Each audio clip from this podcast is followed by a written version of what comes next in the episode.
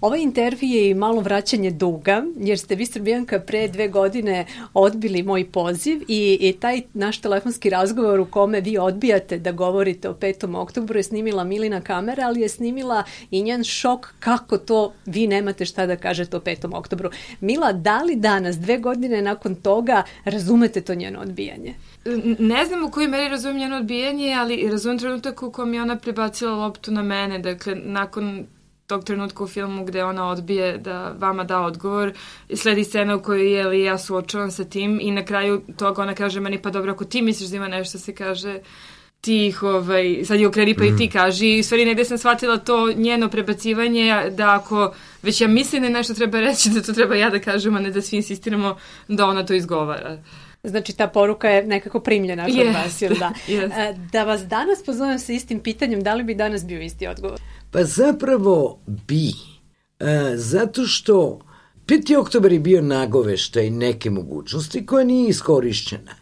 I sad insistiranju na dizanju u, ne znam, na pijedestal tog 5. oktobra mi u stvari ne otvaramo neke nove mogućnosti. Dakle, 5. oktober je bio prošao nije uspeo, ajmo pričamo o nečemu šta sad, ovog momenta ili sutra ujutro da radimo. To se našlo u filmu e, Druga strana svega, to je jedna scena iz filma, ali o, ono što je meni najjača scena u filmu je kada vi, Mila, prilično emotivno izgovarate ova zemlja nije normalna, u ovoj zemlji se ne može živeti. E, iz čega je progovorio taj vaš očaj? Pa sigurno nekog generacijskog razočarenja, jer ovaj, e, ja sam ta generacija koja je odrastala u, u 90-im, neki svoj prve studentske dane sam provela u demonstracijama na ulici, dakle to su sad te neke šetnje 96. 97. I za mene je taj trenutak 5. oktobra zaista predstavljao u, u nekom političkom smislu možda stvarno i, i neki vrhunac mog, mog angažmana, jer sam zaista verovala u to da sada stiže prilika za ostvarivanje ili, ili nekako drugačije postavljanje društva. I mislim da ti moji emotivni izlivi koji se vide u filmu se odnose zaista na neku suštinsko razočarenje koje smo svi mi doživeli posmatrajući kako se dalje stvari odvijale, ali zapravo mislim da je možda najviše izraz te e, dileme koja mislim da je zapravo odlika svake mlade osobe u Srbiji danas, a to je da li čovek pokuša da ode negde drugde i da tamo gradi neki život koji je s jedne strane manje opterećen politikom, a s druge strane prosto u zemlji koji je pravna država deluje postavljenije, ili pak ostaje ovde jer on potiče odavde i ako će se negde boriti i zalagati, to onda treba raditi u sobstvenoj zemlji, ali zapravo mislim da se na to odnosi. E, I jedna od najcitiranijih rečenica iz filma je ona kada vaša majka kaže pripadam onima koji misle da u ovoj zemlji treba živeti po svaku cenu. Vi za sebe kažete stalno idem i stalno se vraćam. I upravo to odlaženje koje vi provlačite kroz film i koje evo sada pominjete nešto što obeležava ovaj trenutak baš onako kako je obeležilo i 90 dete. I nažalost, dakle čovjek bi pomislio da moja generacija možda neće imati ovaj, tu težinu tih odluka koji su imali ljudi koje ja pamtim kao studente 90-ih, znači početkom 90-ih, pamtim taj talas odlazaka, pamtim količinu studenta koji dolaze kod nas kući da mi moj otac i moja majka popunjavaju preporuke, formulare za vize i tako dalje. I sećam se težine tog trenutka, nisam mislila da ćemo ga i mi proživljavati. Srbijanka, gde se po vama ovo društvo danas nalazi? Ne izbrdici. Ovo društvo se nalazi zapravo uh, sa naravno uh, malim usponima i padovima, ali zapravo sa tendencijom pada još od 90-ih. I to je po meni ključna razlika moje generacije i vaše generacije, vaše generacije u stvari. E, mi smo rođeni u bedi. Mi smo rođeni u jednom prilično ne, neugodnom momentu završetka E, ne samo okupacije, nego i građanskog rata u kome dolazi do revolucije i dolazi do stradanja klase koja je poražena. Ali od tog trenutka do 90. godine moj život i život moje generacije ide uzlaznom linijom. Dakle, nama je svaka godina istinski bila bolja. 90-ih je to krenulo nizbrdo. Prvo smo prekasno shvatili da je nizbrdo, verovatno zato što smo se tako lepo peli da onda vam neki mali psec se ne učini dramatičnim. Kad smo mi shvatili da to ide nizbrdo, to se već toliko strmoglavilo da je bilo teško i uhvatiti. Mislim na generaciju celu, ne govorim naravno na pojedince koji su to videli unapred i svaka im čast, ali od onda se to kotrlja sa nekom idejom 2000-te da ćemo mi to zaustaviti sa nekom skepsom da to možda baš i neće biti potpuno zaustavljanje. Tako da mi nemamo razočarenje vaše generacije, bar se meni čini. Sledeće godine će se živeti bolje. Ta rečenica kao da je postala mantra predsednika Aleksandra Vučića, a evo sada je počela da je upotrebljava i premijerka Ana Brnabić. E, kada se setimo scena iz filma i kako se živalo 90. godina, da li je pomalo nadrealno da građani još nisu dočekali da žive dobro? Ok, nema više ratova, nema više redova za hleb i ulje, ali to nije dovoljno, zar ne? Nije, ali sad, kako da vam kažem, ja, evo, baš smo malo prepričali kako idem pa se vraćam, idem pa se vraćam. Ja i kad odem, ja nisam sigurna da moja generacija koja živi u nekom Parizu ili Londonu, iskreno vam kažem, živi bolje. To se sad e, zavisi od cijele neke ekonomske situacije svetske. Uh, A drugo, mislim da su politički neki ov, comebackovi koji se dešavaju ovde apsolutno prisutni u celoj Evropi. Dakle, um, i, i politička klima ne obećava, i ekonomska klima ne obećava i, i možda je i delimično cela sad ta priča kao ti će ostati ima veze s tim što nisam sigurna da Evropa nudi mnogo bolje u ovom trenutku. Tako da, to da će sledeće godine biti bolje, ja to doživljam u nekom mnogo širom kontekstu toga da ja stvarno mislim da moju generaciju čeka jedan ozbiljan svetski rat, ali ja to stvarno mislim i tako da su meni sad na nekom mikrolokalnom nivou reći pa kao sad ni ovde nije krenulo, nije. Mi imamo a, svoj a, e, set neizlečenih problema kojim se ovo društvo nije bavilo poslednjih 15 godina uopšte, ali, ali na to sada dolaze jedna cijela ovaj, garnitura problema koji mislim da, da je zabrinjava celu jednu svetsku generaciju. To je sasvim sigurno tačno, a, s tom razlikom što mi se čini da sad u toj tvojoj sveukupnoj svetskoj zabrinutosti smo zaista izgubili nijanse koje su za dnevni život veoma bitne. Dakle, e, ova zemlja je trenutno potpuno rasturena zemlja. Ja se slažem da ima problema i recimo u zapadnoj Evropi, ajde ako nam je to bio e, svo vreme neki reper, da ima narastajuće desnice koje je zabrinjavajuće. E, međutim, tamo ima, barem neki moji razgovori sa ljudima koji tamo žive, i mnogo aktivnije svesti o narastajućoj desnici, što ne znači da su oni još spremni da se tome suprotstave. Oni imaju taj problem da je njima rat toliko, toliko daleko i toliko, toliko nezamisliv, da oni prosto ne vide da bi to moglo da se vrati. Međutim, mi trenutno živimo u zemlji u kojoj ne funkcioniše apsolutno ništa. I to je e, zapravo, ja bih rekla, zaista naš najveći problem. I kad bi ja danas imala vaše godine, Ako bi se rešilo da onem odavde, to ne bi bilo zato da bi ja živela bolje, to bi bilo zato da bi ja živela sigurnije i da bi mi se deca bolje školovala. To što moje dete treba da ide u školu u kojoj će ga ideologizovati i neće ga naučiti nekim bitnim stvarima koje su njemu potrebne za budućnost, to bi mene jako zabrinulo. To što e, mi se saopštava da ja u stvari nisam zaradila nikakvu penziju. Evo slušam Brnabićku i Vujović i ne mogu da verujem da, da ono što ću ja dobiti kao penziju zavisi od njihove dobre volje. Oni će mi platiti koliko hoće da me plate, jer ja to zapravo nisam zaradila, kaže Vujović. To bi mene jako brinulo. Dakle, na tom dnevnom planu, a da ne govorim o potpuno nesuvislim ispadima ministra Vulina, pošto je nevjerovatno čovjek bude ministar, ali kad već to jeste, o predsedniku, bivšem premijeru, tu stvarno više ne treba govoriti. Ta količina vređanja, ni podaštavanja bilo kog misličnog čoveka u ovoj zemlji je nešto što prosto e, mene odbija od ideje da govorim o njemu. I to je razlog zašto bi ja razmišljala da odem iz ove zemlje. Da živim negde gde postoji makar neko pristojno okruženje Da. Nismo se složili. Ne, ne, ima, ima. Možda to si upala sad primarni razlog koji je neki osjećaj vređenja inteligencije u stvari. E, u filmu se opisuje i proces restitucije kroz e, primer vašeg porodičnog iskustva kada vam je oduzet deo stana e, u nacionalizaciji 45. godine. E, to otvara pitanje istorijskih naslaga ili kako se to ovde često govori da mi zapravo živimo u prošlosti i da imamo, da smo zemlja sa previše istorije. Kakve su e, posledice toga što izrastaju generacije koje su konstantno opterećene tom prošlošću, koja nije ni raspravljena, ni stavljena po strani, već konstantno živa i povod nekih novih podela? Pa mislim da je posledica dezorientacija potpuna. Ja stvarno mislim da ovaj, u toj nekoj našoj nesposobnosti da tu prošlost ispričamo i u tom neprekidnom pokušaju da je prepravimo time što ćemo sad ovom milionom pravnim aktom u stvari da kao presložimo ko je tu bio šta. Rezultat toga je stvarno jedan manjak nacionalnog narativa, ali nekako kohezivnog nacionalnog narativa, da ćemo se mi složiti oko jedne priče, makar ta priča imala više ovaj, pogleda.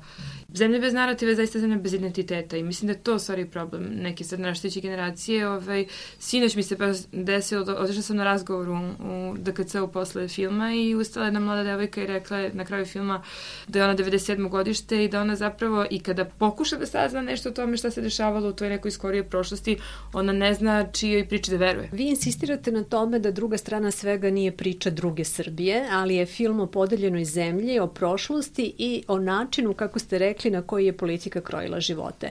Da li publika u ovom filmu, po iskustvima koje imate nakon projekcija, vidi i ono što se danas događa? Pa sigurno je da vidi, ali mislim da pre svega vidi ovaj, taj simbol jednog, jedne podeljenosti, te, te jedne zaključanosti, ajde da kažem. Ovaj, dakle, mene nije zanimalo da pravim dnevno-politički film, jer bi takav film jako brzo bio prevaziđen, ću kažem, postao bi ne, nerelevantan i neaktualan. Bilo mi mnogo važnije da napravim film koji će da zađe u ono što je univerzalno pitanje koje se nameće zaista svakoj generaciji i svakoj osobi koja odrasta u bilo kojoj zemlji u kojoj politika čoveka dovodi do tog suočavanja sa samim sobom, hoću li reagovati ili neću reagovati. Ja imam osjećaj da je to ono na što ljudi reaguju, jer kad sam ja juče ušla u tu salu i zatekla uh, više ljudi koji je htjela da da neki komentar, ali nije moglo od suza da govori, i sumnjam da je njih nema politika dovela do tog emotivnog stanja. Ja zaista mislim da su oni prepoznali jednu mnogo dublju traumu koja ide u, u, u, zaista nazad u, ta, u tu priču. Zašto mi imamo toliko amneziju? Zašto mi nismo u stanju da pričamo o sebi?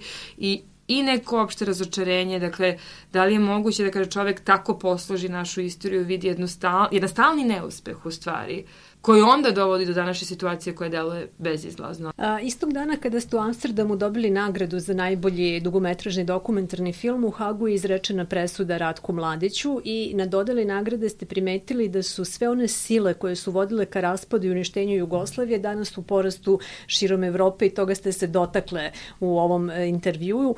Da li možete da nam objasnite, obe ste bile u Amsterdamu, kakve su i kolike su razlike u reakcijama publike tamo i u Beogradu? Ja od starta rade na ovom filmu, obzirom da je on finansiran kao koprodukcija međunarodna, znam da ja njega pravim za dve publike, za domaću i za stranu. Montaža filma trajala godinu i po dana, upravo najviše zbog tog pokušaja da se napravi nešto što radi, što je zapravo istovremeno funkcioniše na dva nivoa.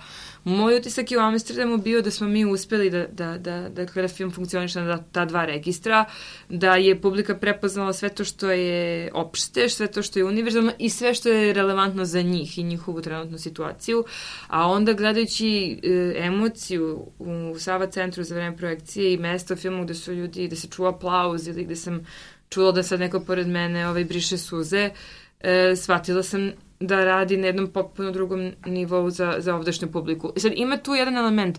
Nije moja namera bila da održim nikakvu lekciju iz istorije ovim filmom, ali je činjenica da jako mnogo stranaca koji ga pogleda kaže ja ovu, ovu verziju te priče nikad nisam čuo. Ja nisam znao da se ovo u Srbiji dešavalo. I najzanimljivije mi je bila ta reakcija jednog Francuza koji je bio na premijeri u Sava centru koji mi je rekao ja sam pratio za vreme 90-ih izveštaje o ratu i tako dalje, ali ono što nisam znao je da ste vi u Srbiji imali paralelno tih i građanski rat za domaću publiku, vraćam se na te utiske najmlađe dela publike. Meni je jako drago da su ovaj film došli da vide mlade ljudi koji mi 17, 19, 20 godina, koji kažu za mene je ova priča bila otkriće jer, jer je meni niko nikad nije ovako ispričao.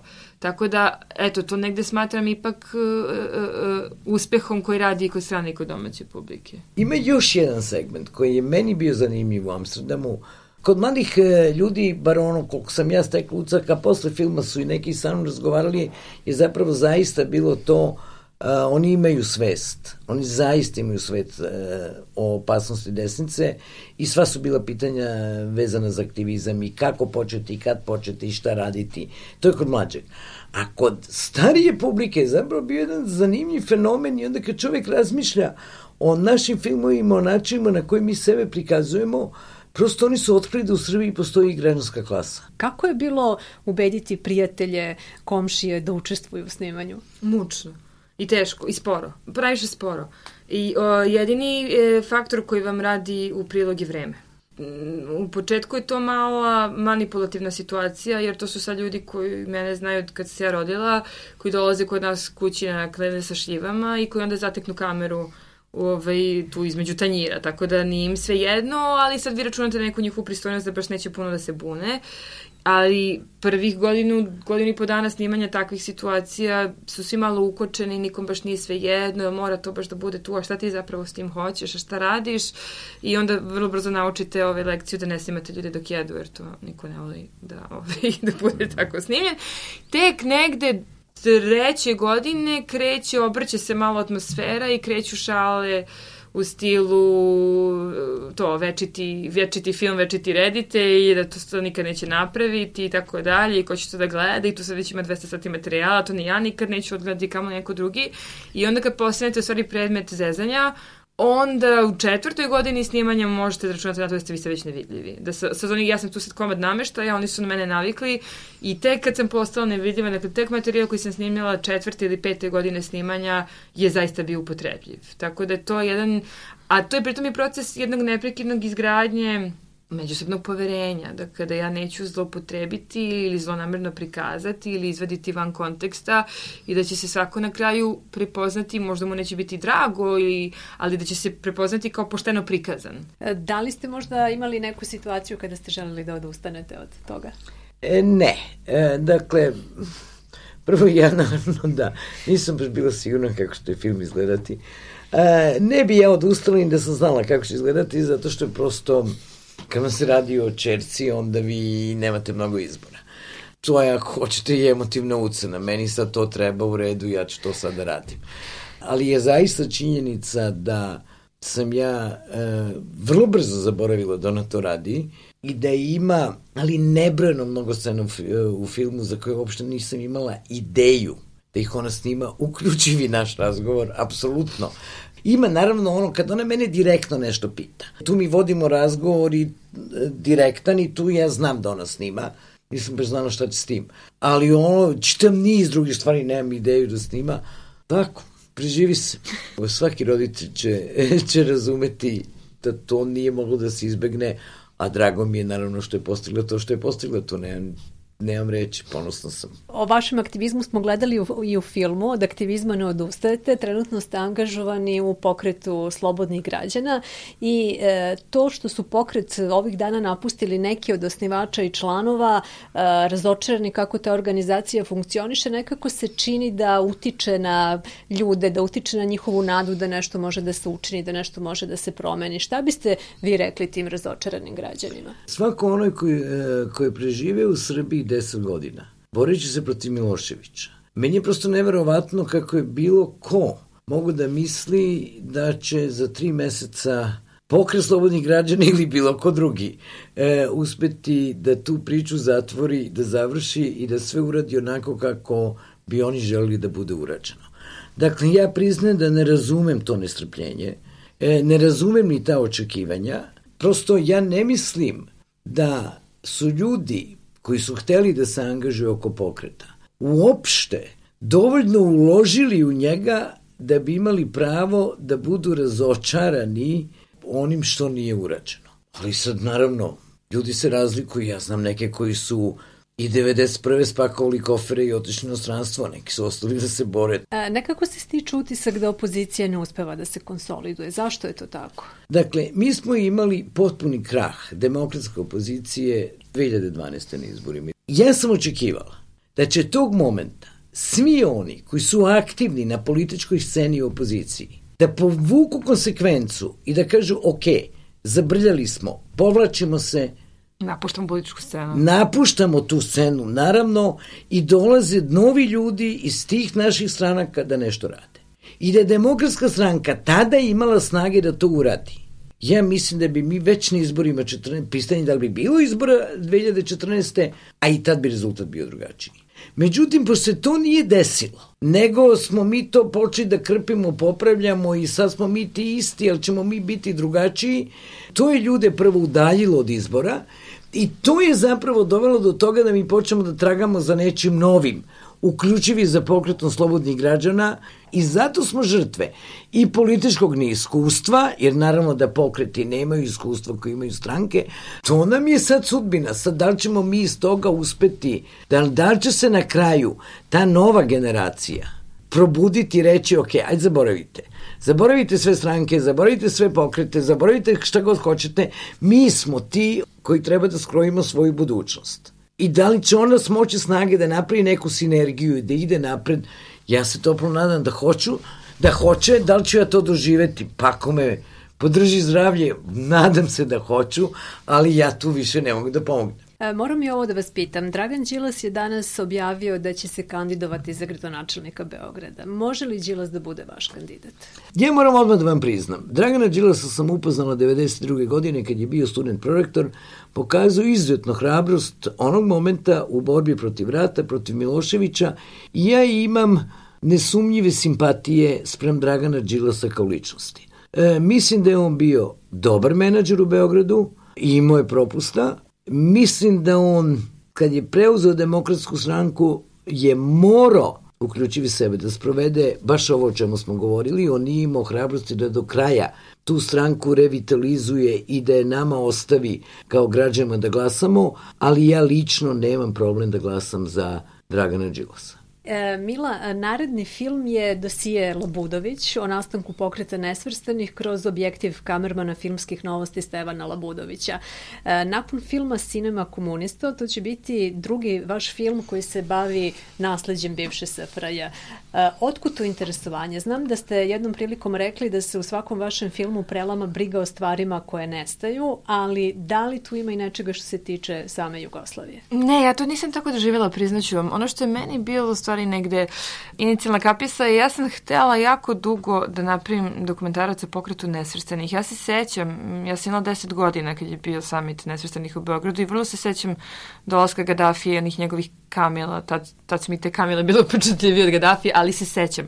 I sećam se cijele te neke energije, neke političke ideje I moram vam kažem, u stvari, ta se ideja ponovo rodila u meni. Bila sam na jednom filmskom festivalu angažovanih filmova u Alžiru sa sinema komunistom i sedela sam, provela sam 4-5 dana sedeći sa rediteljima iz Vijetnama, sa Kube, ovaj, iz Senegala, eh, iz Egipta i shvatila da ono što je meni bilo jako zanimljivo, nema, ne sećate se tako često sa ovaj, rediteljima iz, ajde da kažem, tih zemalja trećeg sveta u jednoj zemlji koja je, Alžir je jedna nesvestana zemlja i mi smo u stvari pet dana pričali jezikom istim jezikom. I mene je strašno zainteresovalo odakle ta neka transnacionalna sposobnost i solidarnost da se iskomuniciramo. Imali smo vrlo slične stavove na temu Amerike, na temu Rusije, na temu velikih sila, na temu našeg položaja u nekoj globalnoj e, svetskoj igri sila. I mene je strašno zainteresovalo dakle nama tragovi tog zajedničkog jezika i vratila sam se u stvari na ideju tog pokreta nesvrstanih kao nešto što bi volala da obradim. I pukom igrom slučaja u stvari u istom tom Alžiru upoznala Stevana Labudovića i shvatila da je njegova životna priča, činjenica da je on svojom kamerom zabeležio celu istoriju nastanka tog pokreta, u stvari ono što mene zanima, uh, a to je kako se gradi kroz filmsku sliku vizija, politička vizija jednog novog sveta. Uh, ako sam imala ikakve rezerve da napravim ovaj film, to je bilo zato što mi se nije pravio Cinema Komunisto 2. Imala sam osjećaj da sam ja obradila temu SFRJ, stigla do odgovora na neka pitanja koji su mene kopkala i povela u rad na Cinema Komunistu i nije mi to bilo uopšte i orijentacija. E sad, naravno, kao što kad sam krenula pravim priču o filmskom gradu, nisam shvatila da ću usred te priče otkriti Titovu ljubav sprem filma. Tako kad krenete radite priču o nesveštanima, istraživanje vas dovede do centralne uloge koju je Titova vizija za Jugoslaviju imala u izgradnji tog pokreta, ali nije mi to bila, e, više se bavim time, opet kažete brisanje istorije, e, to je jedna neuspela politička vizija, taj pokret je danas e, prilično marginalan, zašto on ima tako jake tragove? Zašto se onda mi dalje prepoznajemo? Zašto ja kada odem u Meksiko, meni taksista kaže, a, Jugoslavija, ovaj, ili negde u Egiptu mi se neka vrata otvore samo zato što sam iz Jugoslavije. Dakle, mene zanimaju tragovi te ideje i, zan, i zanima me moć koju ta sposobnost komunikacije među ljudima ima danas. O, otud, otud ideja za taj film. Mila je ovih dana odgovarala i na pitanje kako je biti čerka Srbijanke Turajlić. E, nakon uspeha ovog filma, ja bih vas pitala kako je biti mama Mile Turajlić. Ja moram da vam kažem da je biti mama Mile Turajlić fantastično, ali ja moram da vam kažem da sam ja i mama Nine Turajlić, docenta na Fakultetu organizacijnih nauka i da je to fantastično i prosto lepo je biti mama njih dve.